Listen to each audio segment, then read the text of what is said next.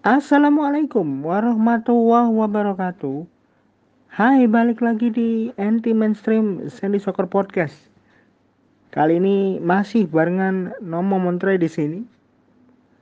Kita akan bahas satu tim tradisional yang sebenarnya adalah langganan Piala Dunia.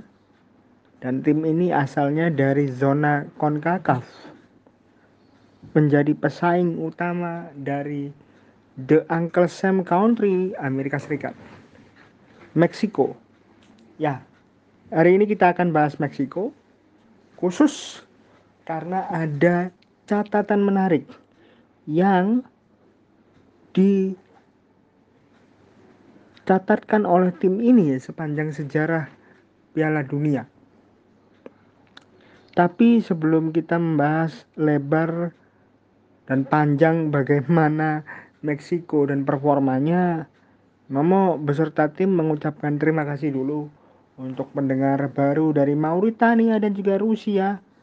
So, sudah lebih dari 40 negara yang sudah mendengarkan podcast ini. Terima kasih. Berharap ini menjadi edukasi yang menarik, bukan hanya sekedar menghibur. Dan jangan lupa, buat teman-teman yang ingin mendengarkan podcast ini, bisa juga cari di kolom pencarian platform podcast favorit kalian. Baik itu di Google Podcast, di Apple Podcast, di Spotify maupun di Anchor. Sekali lagi, podcast ini merupakan satu wadah untuk kita ngobrol atau menyajikan info bahkan mengenai sepak bola dunia dan isu lingkungan hidup yang ada di Indonesia dan juga di dunia. So, tanpa berlama-lama, inilah materi khusus pembahasan mengenai sombrero L3 Meksiko yang selalu menciptakan sandbagging. Let's go. Dalam istilah olahraga saat ini, di mana pun itu, muncul kata sandbagging yang menjadi judul utama materi kita hari ini. Sebenarnya apa sih sandbagging? Sandbagging itu adalah momen di mana seseorang atau sebuah tim tidak mau menunjukkan performa aslinya saat melakoni sebuah pre-game atau uji coba atau apa pun itu sehingga menciptakan kesan bagi penonton bahwa tim ini tidak layak untuk diunggulkan sebagai kontender maupun champion. Dan justru beranggapan bahwa tim ini layak untuk tersingkir terlebih dahulu. Padahal jika kita melihat performa sebenarnya dengan komposisi yang dimiliki, tim ini layak untuk berbicara banyak, layak untuk menjadi champion, layak untuk menjadi final contender di beberapa turnamen atau kejuaraan. Kalau bicara mengenai sandbagging, nggak lepas dari satu tim di zona CONCACAF. Mereka adalah Meksiko. Kenapa saya menjuluki Meksiko sebagai tim yang selalu melakukan sandbagging. Sebelum itu kita bedah dulu bagaimana prestasi Meksiko. Kalau bicara Meksiko, dia pesaing utama dari Amerika Serikat. Bahkan duel klasik mereka merupakan duel rivalitas tertua di dunia nomor 4 versi CNN International World Sport Pesaing utama dari The Uncle Sam Country ini menjadi salah satu negara yang cukup sering tampil di Piala Dunia. Bahkan mereka sudah memulai kiprahnya sejak Piala Dunia pertama tahun 1930 di Uruguay.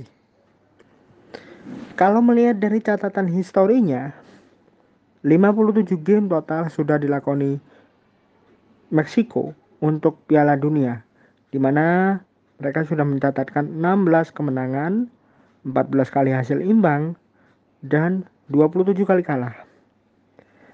cetak 60 gol, kebobolan 98 kali. Sayang, gol difference-nya minus ya. Nah, dari 16 kali partisipasi mereka di Piala Dunia, termasuk yang terakhir di 2018, prestasi terbaik Meksiko adalah di Piala Dunia 1970 dan 1986. Kedua-duanya terjadi pada saat mereka menjadi tuan rumah. Ajang tertinggi sepak bola di dunia.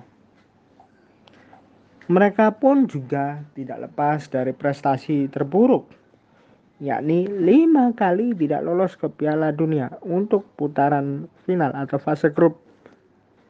Nah, ada yang menarik di sini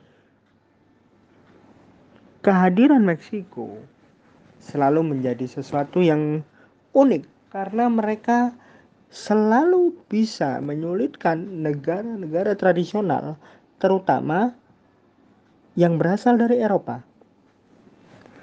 Namun di balik itu mereka selalu menampilkan performa yang tidak meyakinkan pada saat menjalani babak kualifikasi Piala Dunia zona CONCACAF dan ini sudah terjadi ketika format kualifikasi Piala Dunia digelar pertama kali di zona CONCACAF pada tahun 1993.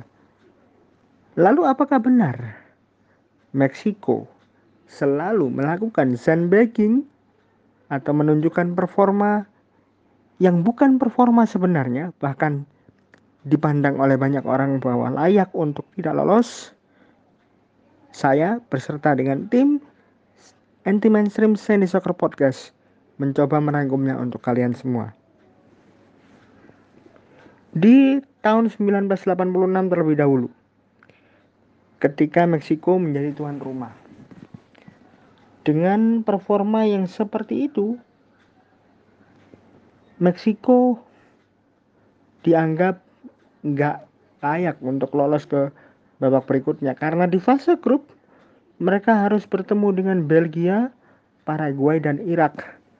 Di atas kertas memang Irak dan Paraguay menjadi lawan yang mungkin saja bisa ditumbangkan oleh Meksiko. Tetapi Belgia di tahun 1986 merupakan salah satu generasi terbaik yang pernah ada di Piala Dunia. Karena Belgia saat itu mengkoleksi nama-nama seperti Young Marie Paf yang masuk sebagai 100 pemain terbaik pilihan legenda sepak bola Pele. Kemudian Eric Gerrits, sang singa Flanders, posisi pemain bertahan. Lalu ada Young Holemans kapten tim dengan tinggi 1,91 meter. Kemudian ada pangeran kecil julukannya yang beroperasi di sayap kiri, yakni Frankie Verkouteren. Dan yang terakhir ada nama pemain muda usianya masih 20 tahun yakni Enzo Schivo yang juga ikut bermain bersama timnas Belgia di Piala Dunia 1986 dan Belgia pada akhirnya pun juga masuk ke babak semifinal. Nah, bagaimana dengan performa Meksiko? Di pertandingan pembuka, Meksiko dan Belgia sudah harus bertemu dan sang tuan rumah berhasil mengakhiri laga dengan kemenangan setelah Hugo Sanchez dan Fernando Huirarte mencetak gol ke gawang Belgia dan meraih dua angka pertama karena ketika itu satu kemenangan dihargai dua poin. Saat itu Meksiko berhasil menang dengan skor 2-1. Selanjutnya di dua game berikutnya Meksiko meraih satu kali hasil imbang dan satu kali kemenangan lagi. Hasil imbang didapatkan ketika bertemu Paraguay dan kemenangan di pertandingan terakhir didapatkan saat bertemu Irak. Babak 16 besar mereka gapai di sini dan babak 16 besar ini Meksiko harus bertemu dengan Bulgaria. Untungnya mereka menang dengan skor 2-0. Dan hasil ini membuat mereka melangkah ke babak quarter final dan harus bertemu dengan salah satu unggulan yakni Jerman Barat. Bertemu dengan Jerman Barat di babak perempat final, Meksiko memang harus tersingkir karena kalah baik secara quality maupun permainan. Tapi ada effort yang luar biasa, perjuangan yang luar biasa yang pada akhirnya diapresiasi oleh seluruh rakyat Meksiko. Karena meski mereka tersingkir dari negara unggulan seperti Jerman Barat, tapi Jerman Barat lolos dengan cara yang sangat-sangat tidak mudah karena harus bermain imbang selama 120 menit dengan skor 0-0 sebelum akhirnya Jerman menang di adu penalti dengan skor 4-3. Lalu bagaimana ketika Meksiko sudah tidak menjadi tuan rumah?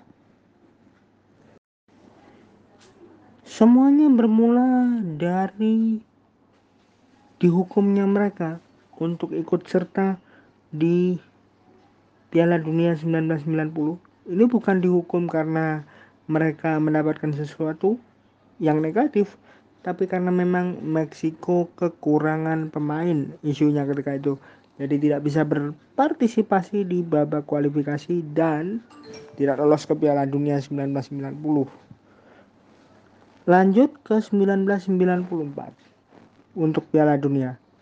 Ini adalah Piala Dunia yang digelar di Amerika Serikat Meksiko mencoba peruntungan di kualifikasi Piala Dunia 1994 yang digelar pada tahun 1993. Mengawali kualifikasi dari babak kedua atau fase kedua dan tergabung bersama Costa Rica, Honduras, serta Saint Vincent and the Grenadines. Meksiko berhasil melangkah ke fase berikutnya setelah mengantongi 9 angka hasil dari empat kemenangan, satu kali hasil imbang dan satu kali kalah. Ingat, di tahun 93 zona Amerika Utara atau CONCACAF masih mengadopsi satu kemenangan dengan skor 2 poin.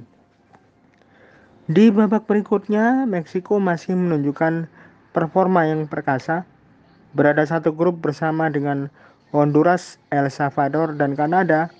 Meksiko berhasil lolos secara otomatis ke Piala Dunia Amerika Serikat setelah menjadi juara grup dengan mengantongi 10 angka hasil 5 kemenangan dan satu kali kalah. Di sini belum ada performa sandbaggingnya. Kemudian masuk ke fase grup Piala Dunia 1994. Meksiko berada satu grup dengan Italia, Republik Irlandia, dan Norwegia. Italia yang menjadi salah satu negara unggulan tentu dijagokan untuk lolos sebagai juara grup di kompetisi ini. Namun ternyata yang terjadi sungguh di luar dugaan.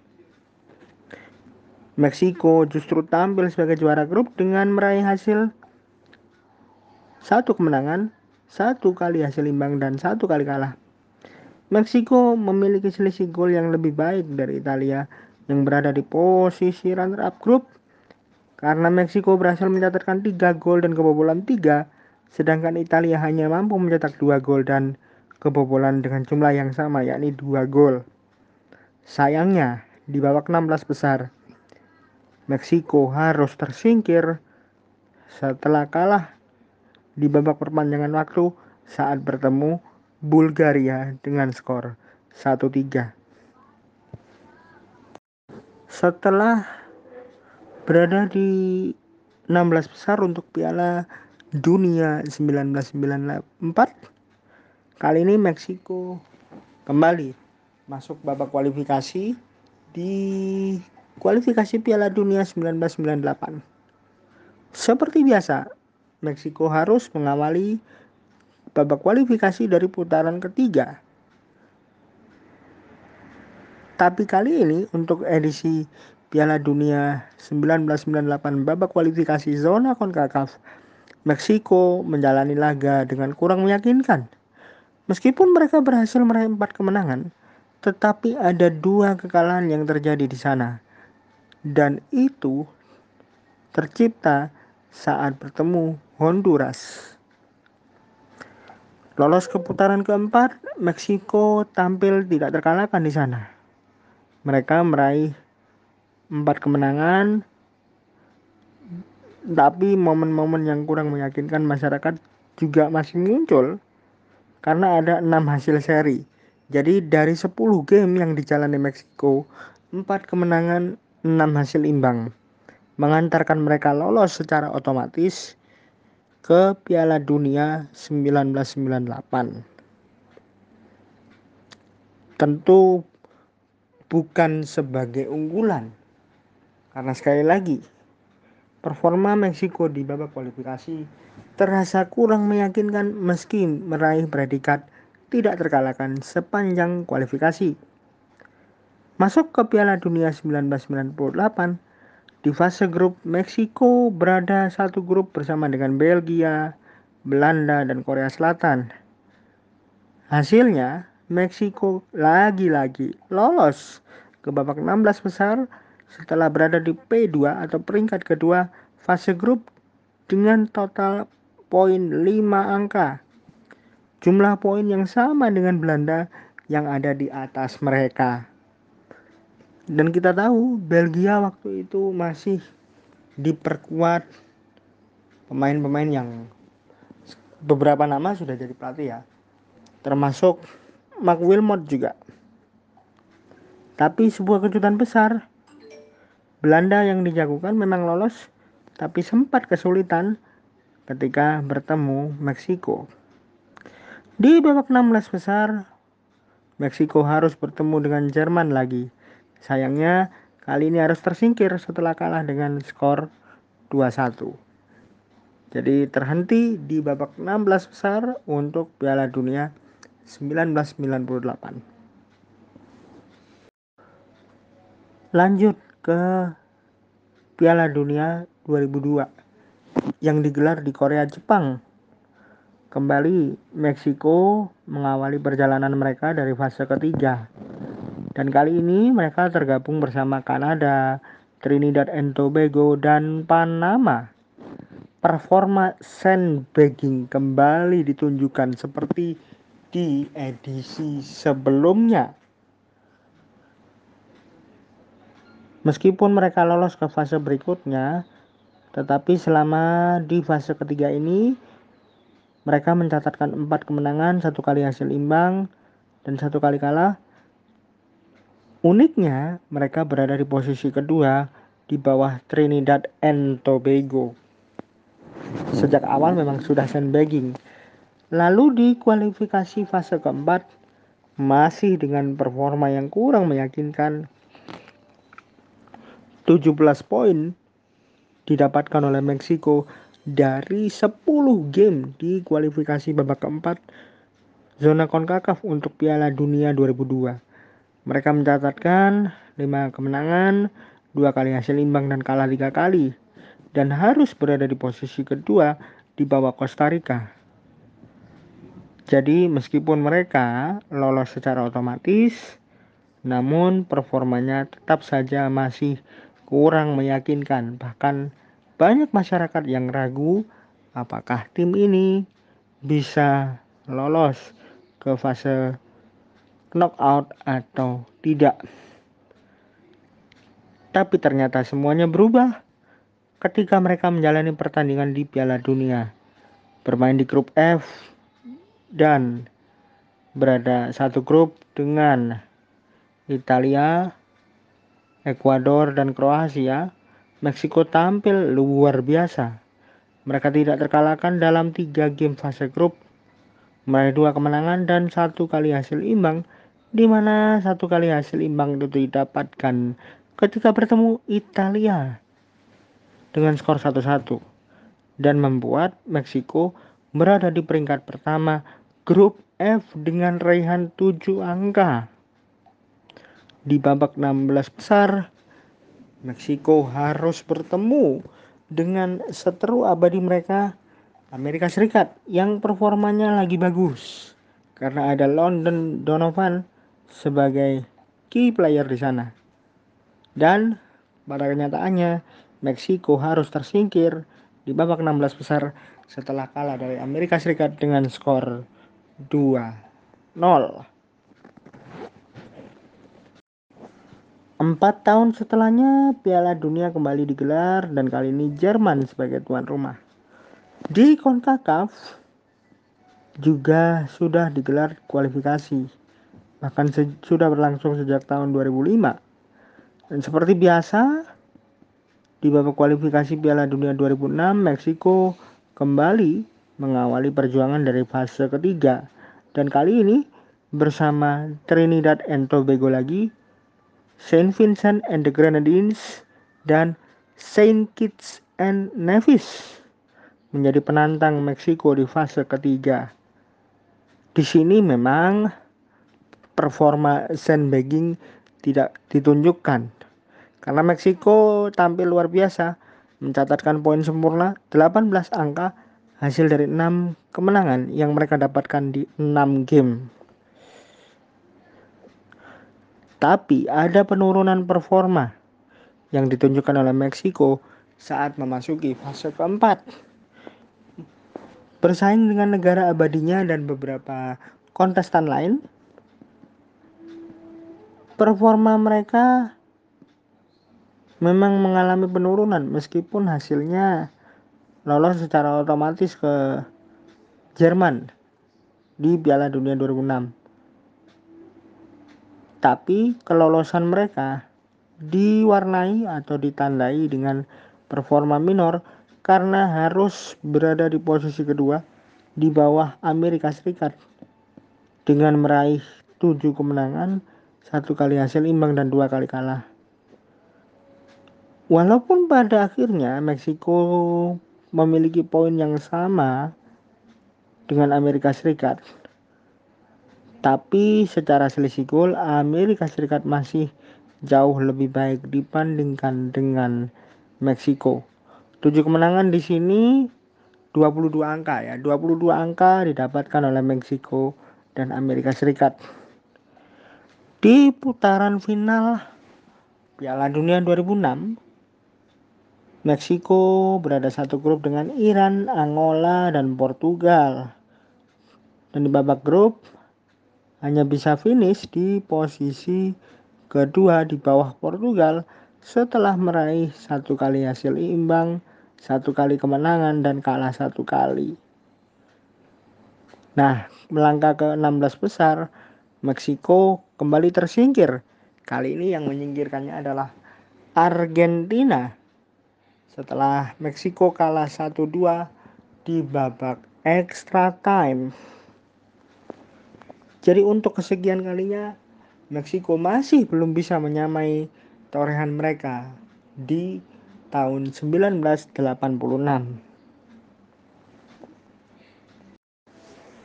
Di Piala Dunia 2010 Afrika Selatan memang terjadi kejutan besar ketika Italia gagal lolos dari fase grup. Tapi fokus kita tentu bukan ke sana. Karena Meksiko juga menunjukkan performa yang masih saja meragukan. Di babak kualifikasi ketiga Piala Dunia 2010 zona CONCACAF, Meksiko berada satu grup dengan Honduras, Jamaika, dan Kanada.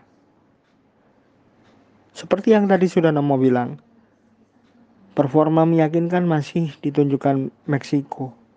Kurang meyakinkan ya, performa kurang meyakinkan masih ditunjukkan oleh Meksiko kualifikasinya mereka mendapatkan 10 angka. Hanya selisih dua dari Honduras yang berada di puncak klasmen. Ya, walaupun ini berhasil membawa mereka melangkah ke babak keempat, tapi setidaknya keraguan itu masih ada. Lalu bagaimana di babak keempat? Kualifikasi keempat, performa yang ditunjukkan oleh El Tri Meksiko masih sama seperti babak sebelumnya. Kurang meyakinkan. Bahkan mereka lolos dengan predikat sebagai runner-up grup setelah kalah bersaing dari Amerika Serikat. Tercatat, Meksiko hanya meraih 19 angka sedangkan Amerika Serikat berada di peringkat pertama selisih satu poin yakni 20 angka. Di babak fase grup penampilannya justru berbeda. Bergabung bersama Uruguay, Afrika Selatan dan Prancis secara luar biasa. Secara luar biasa Meksiko berhasil lolos ke babak 16 besar dan menempati posisi kedua di bawah Uruguay. Mereka unggul selisih gol dari Afrika Selatan yang meraih poin sama. Lalu ke mana Prancis? Prancis tersingkir dari Piala Dunia 2010 setelah berada di peringkat keempat. Catatan Meksiko di fase grup Piala Dunia 2010 satu kemenangan, satu kali hasil imbang dan satu kali kalah. Poin mereka sama dengan Afrika Selatan 4 angka. Tapi Meksiko punya selisih gol yang lebih baik. Karena Meksiko berhasil mencatatkan 3 gol dan kebobolan dua kali, sedangkan Afrika Selatan berhasil mencatatkan 3 gol kebobolan 5 kali. Sama seperti di Piala Dunia edisi 2006 lalu, di 2010 kali ini Meksiko kembali bertemu Argentina. Dan kali ini mereka harus tersingkir setelah kalah dengan skor 3-1 dari Argentina. Jadi untuk kesekian kalinya Meksiko out dari babak 16 besar Piala Dunia masuk ke Piala Dunia 2014, babak kualifikasi dijalani Meksiko dengan sempurna meraih 6 kemenangan dari 6 game tapi itu adalah kualifikasi ketiga saat mereka bergabung bersama Costa Rica, El Salvador dan juga Guyana. Namun saat berada di kualifikasi keempat, performa sandbagging yang muncul di edisi sebelum-sebelumnya kembali lagi. Dan kali ini pun yang terjadi justru malah lebih parah.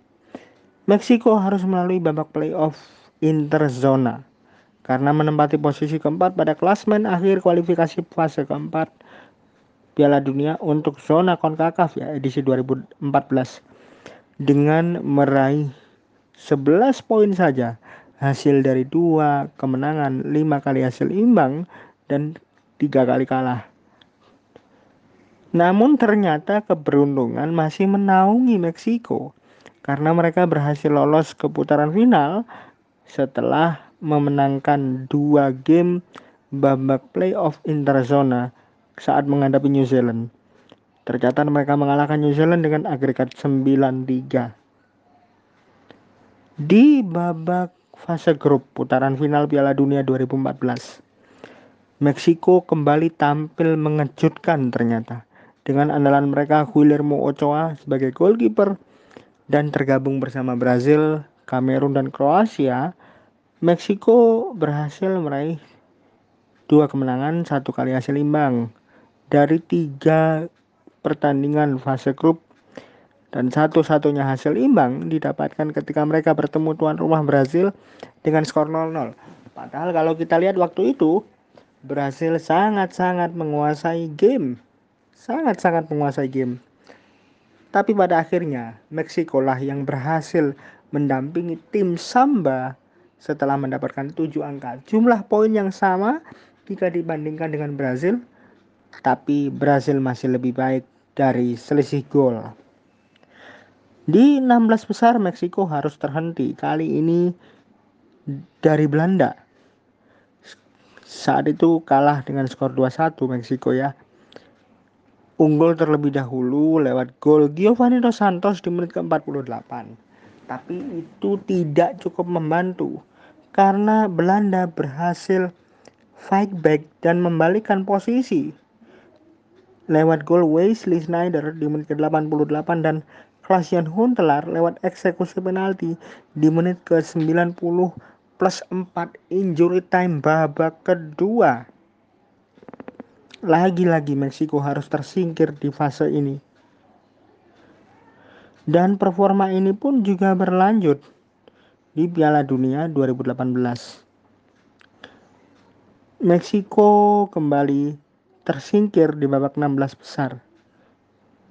Tapi sebelum ke sana, perjuangan mereka di babak kualifikasi, mereka langsung berada di babak keempat ya fase kualifikasi tanpa harus berduel dulu di fase ketiga. Kali ini mereka satu grup bersama dengan Honduras, Kanada, dan El Salvador. 16 angka didapatkan di kualifikasi keempat dari enam game yang dijalani. Masuk ke babak kualifikasi terakhir, Meksiko sebenarnya mencatatkan hasil yang baik karena dari 10 pertandingan 6 kemenangan berhasil didapatkan, tiga kali hasil imbang dan kalah hanya sekali. Tapi kalau kita breakdown secara keseluruhan, Meskipun Meksiko meraih 6 kemenangan, tapi kemenangan yang didapat hanya dengan margin 1 sampai 2 gol saja. Dan hanya satu kali mereka bisa memenangkan game kualifikasi terakhir dengan margin 3 gol. Ketika itu saat bertemu Honduras, mereka mengalahkan Honduras dengan skor 3-0. Tentu ini menimbulkan banyak pertanyaan bagi publik Meksiko. Apakah tim ini bisa berbicara banyak setidaknya di Piala Dunia Rusia 2018 mereka bisa lolos dari fase grup. Mengingat pada saat undian Meksiko berada satu grup dengan Jerman, Swedia dan Korea Selatan. Kita tahu Jerman merupakan juara bertahan di turnamen ini untuk edisi 2018. Tapi ternyata semua yang diprediksi justru justru keluar dari perkiraan. Jerman tersingkir setelah di partai pembuka dikalahkan Meksiko lewat gol Irving Lozano dan skor itu bertahan sampai game usai. Jerman Meksiko skornya 0-1 ketika itu. Padahal Jerman lebih diunggulkan karena status juara bertahan yang mereka sandang dan memiliki komposisi pemain yang tidak jauh berbeda dengan edisi Piala Dunia sebelumnya. Dan setelah meraih kemenangan atas Jerman di pertandingan kedua ketika menghadapi wakil Asia Korea Selatan, Meksiko berhasil menang.